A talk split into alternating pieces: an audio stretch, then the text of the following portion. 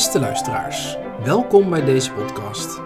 Deze podcast is het tweede deel van een podcastserie met als onderwerp kwaliteitsbeleving, oftewel de manier waarop we kwaliteit van leven ervaren.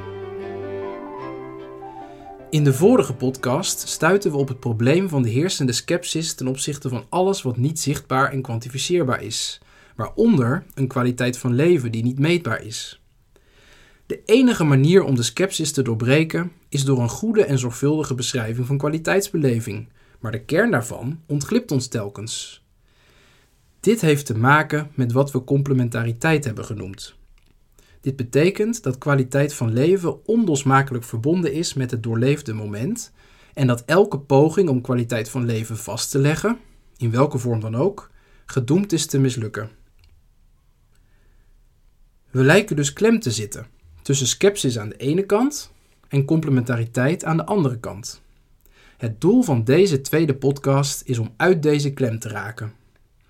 We doen dit op twee manieren die in elkaars verlengde liggen. De eerste manier is om van binnenuit af te bakenen waar de grenzen liggen van onze beschrijvingen van kwaliteit van leven. Hiermee bereiken we de grenzen van het zichtbare en het kwantificeerbare. Dat wat buiten deze beschrijvingen valt, dat is de onzegbare kwaliteit van het doorleefde moment. Deze methode is geïntroduceerd door de filosoof Ludwig Wittgenstein. De tweede manier is om te bestuderen hoe het leven van mensen beïnvloed wordt door één of meerdere keerpunten in het leven.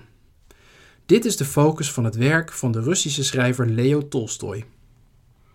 De keerpuntenbenadering van Tolstoy is een goede aanvulling op de methode Wittgenstein. Op de keerpunten van het leven is het effect van de onzegbare kwaliteit van leven namelijk sterk uitvergroot, waardoor de enorme kracht ervan impliciet duidelijk wordt. In tegenstelling tot de grensafbakening van binnenuit geven de keerpunten tegenlicht van buitenaf. Door ze te combineren krijgen we zicht op de contouren van kwaliteitsbeleving.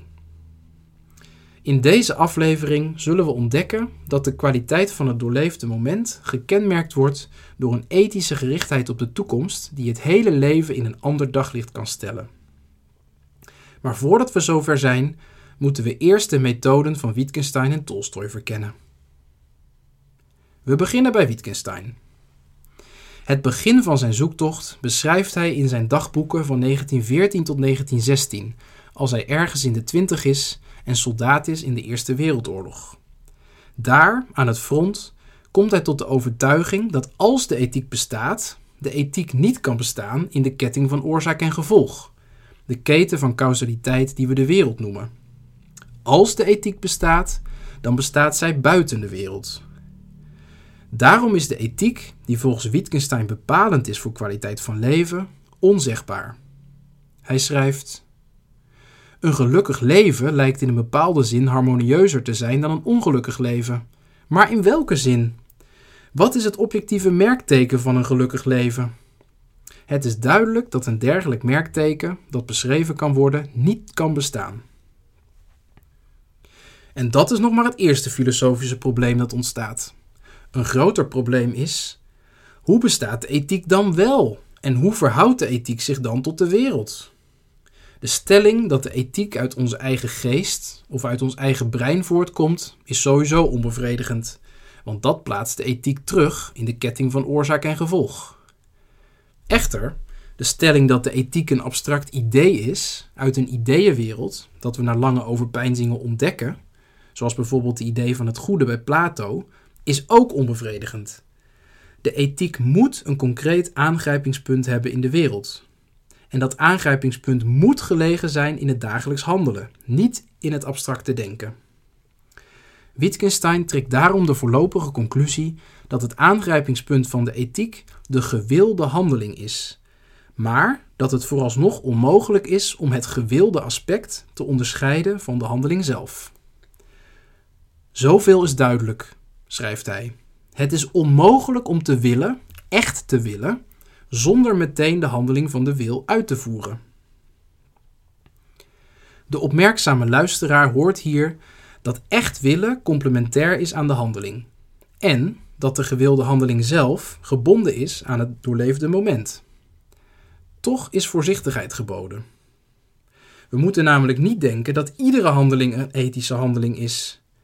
Dat maakt echt willen banaal en vatbaar voor manipulatie.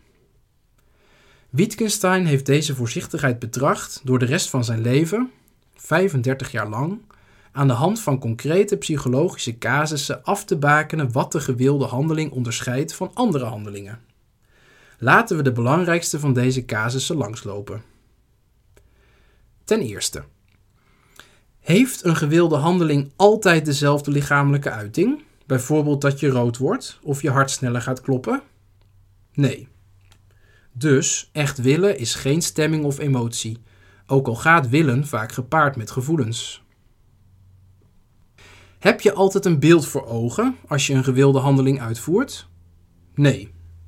Dus echt willen is geen beeld of verbeelding, ook al uit het zich soms wel in beelden.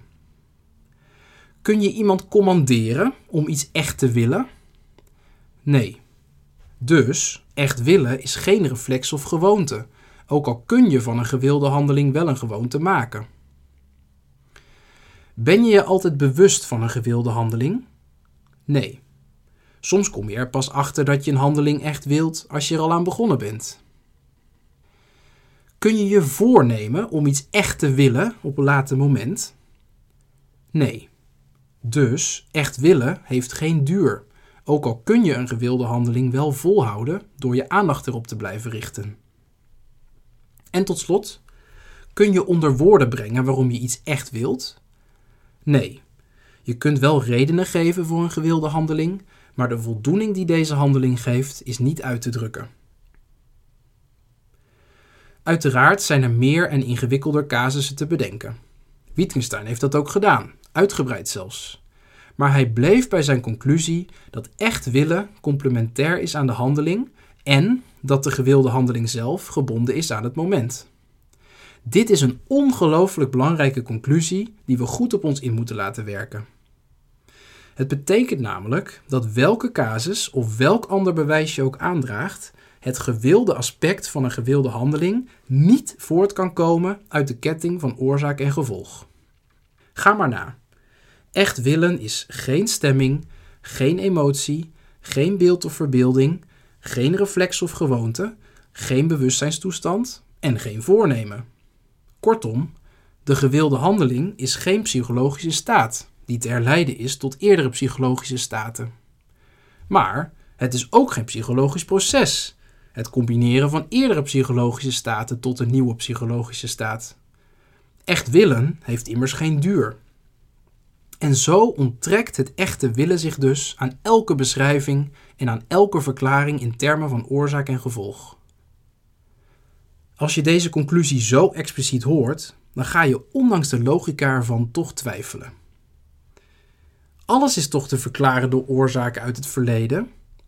Heeft de moeilijkheid om de wil te verklaren niet gewoon te maken met de complexiteit van het brein? Dit is begrijpelijk. Wittgenstein heeft ook getwijfeld. Ironisch genoeg bewijst de geschiedenis het tegendeel. Er is niet één historische periode, zelfs niet één mensenleven, volledig voorspelbaar geweest. Er doen zich altijd nieuwe wendingen voor. Oké, zul je zeggen, dit argument neemt misschien de twijfel weg, maar niet de onzekerheid wat echt willen dan wel is. Heeft Wittgenstein daar niet iets over gezegd? Dat is een hele spannende vraag. Zoals sommigen weten, heeft Wittgenstein de beroemde uitspraak gedaan: Waarover men niet kan spreken, daarover moet men zwijgen. Velen denken dat hij zich daar zijn hele leven aan heeft gehouden. Veel academici denken zelfs dat Wittgenstein tot de analytische filosofie gerekend moet worden, de school die alles herleidt tot oorzaak en gevolg. Is dat zo? Nee.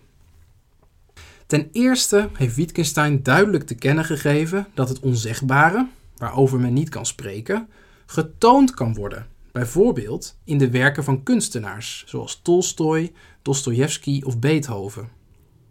En ten tweede, het klopt weliswaar dat Wittgenstein zijn eigen schrijftalent laag inschatte en dat hij daarom sterk analytisch te werk ging. Maar er zijn ook belangrijke uitzonderingen. In een van zijn laatste aantekenboeken schrijft hij: Echt willen kan een geestelijke houding genoemd worden. Hij schrijft er meteen bij dat een geestelijke houding geen psychologische staat is en dat zijn opmerking niet kausaal bedoeld is. Alleen de ervaring leert ons, achteraf, wat onze houding is geweest, net zoals alleen de geschiedenis ons leert wat er nieuw is geweest. Dit lijkt iets kleins, maar stiekem heeft hij hiermee heel veel gezegd over het onzegbare. Want als echt willen een houding is, en het is geen causale houding ten opzichte van de bestaande wereld, dan blijft er maar één mogelijkheid over. Echt willen is een houding ten opzichte van het appel van de toekomst. De ethische richting, hoe de wereld zal moeten zijn, trekt aan ons. En trap hierbij niet in de valkuil van de skepsis. Onze verlangens zijn geen voornemens of doelen die we onszelf stellen. Onze eigen voornemens en doelen zijn immers volledig kausaal bepaald. En de toekomst is ook niet volledig onbepaald, als een onbeschreven blad. De toekomst, die een krachtig, blijvend verlangen losmaakt dat de wereld verandert, is het wenkende, ethische perspectief. Hiermee is veel gezegd. Maar dit is ook het punt waar de beschrijving echt ophoudt. We hebben de grens tussen het zegbare en het onzegbare bereikt. Maar dit is niet de grens van wat er getoond kan worden en van wat de ervaring ons leert. Wittgenstein heeft dit aan den lijve ondervonden. In 1915, aan het Oostenrijkse front, werd hij diep getroffen door het lezen van Tolstoj en Dostojevski. Hij voerde hierover lange gesprekken met het hoofd van de hospitaaltrein, Max Bieler. Gesprekken die, zoals Bieler later zei, ons zo volkomen in beslag namen dat we ieder gevoel voor plaats en tijd verloren. Wittgensteins leven zou nooit meer hetzelfde zijn.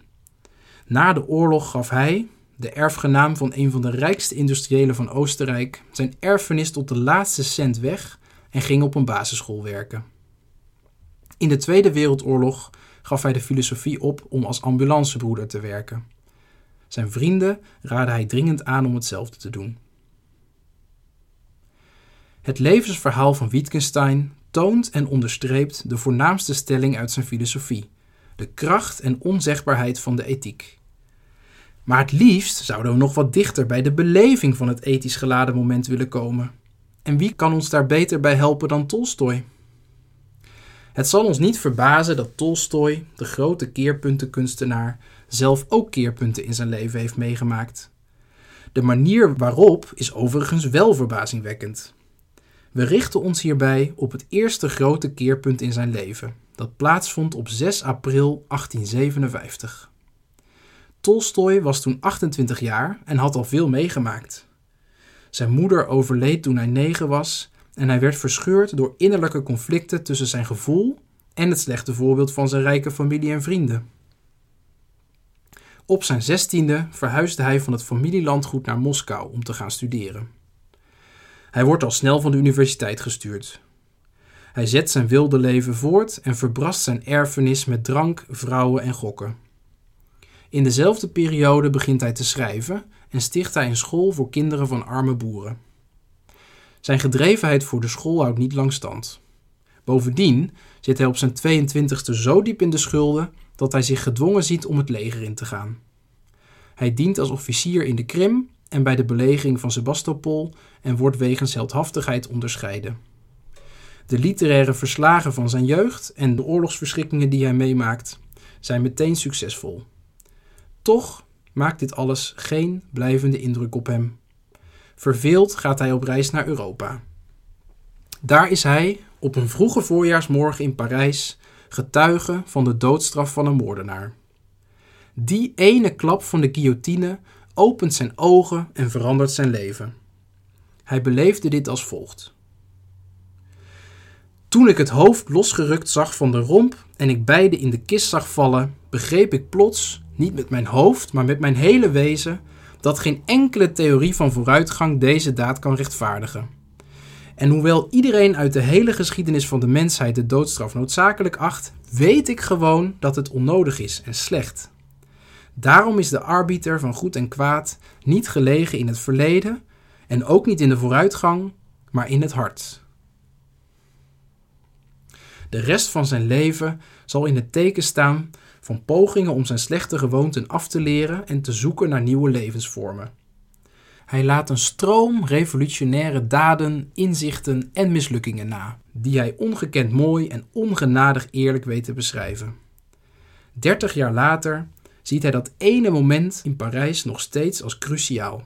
Hij schrijft: Op dezelfde manier begreep ik nu, bij het zien van honger, kou en ziekte bij zoveel mensen, niet met mijn hoofd, maar met mijn hele wezen, dat het leven van tienduizenden armen in Moskou, dat samenvalt met het leven van een paar duizend rijken die baden in luxe, een continue misdaad is, die ik, met mijn luxe, niet alleen toelaat, maar actief in stand houd.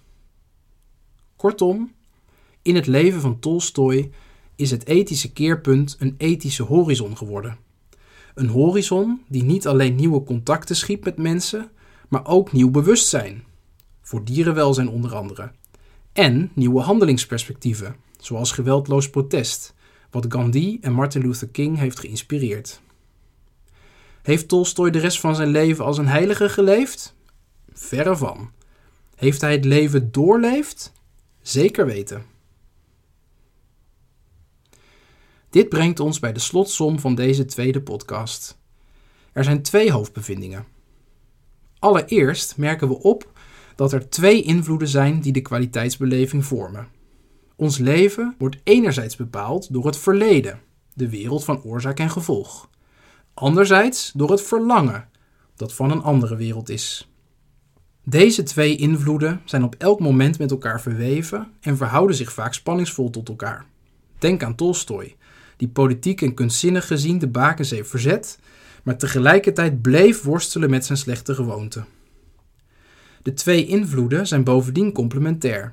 We kunnen niet onze aandacht richten op de ene invloed, zonder dat onze gewaarwording van de andere invloed sterk vervaagt. De grens tussen het zegbare en het onzegbare valt daarom samen met de grens tussen de bestaande en de toekomstige wereld. De vernieuwende invloed van de ethiek kan daarom alleen achteraf getoond worden. Ten tweede is het buitengewoon opvallend dat het appel van de toekomst zich voordoet op individuele momenten, maar dat die momenten een veel langere periode, soms zelfs een heel mensenleven, in een totaal ander daglicht kunnen stellen. In de moderne psychologie noemen we dit life events, levensgebeurtenissen.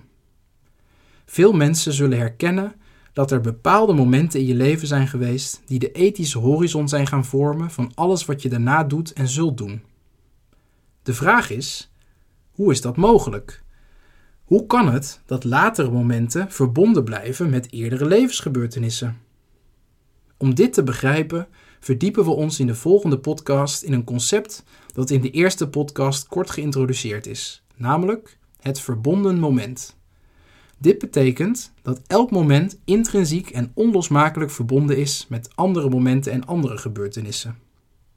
In de volgende podcast zullen we aan de hand van het werk van de psycholoog William James de drie dimensies van het verbonden moment uitwerken. Namelijk de breedte van het moment, oftewel de verbondenheid met onze omgeving, de lengte van het moment, oftewel de verbondenheid met verleden en toekomst, en de diepte van het moment, oftewel de verbondenheid met een bepaalde ethische richting of houding. Wil je de volgende podcast niet missen? Abonneer je dan op de nieuwsbrief via www.kwaliteitsbeleving.nl/slash nieuwsbrief of volg de serie op soundcloud.nl/slash kwaliteitsbeleving. Bedankt voor het luisteren.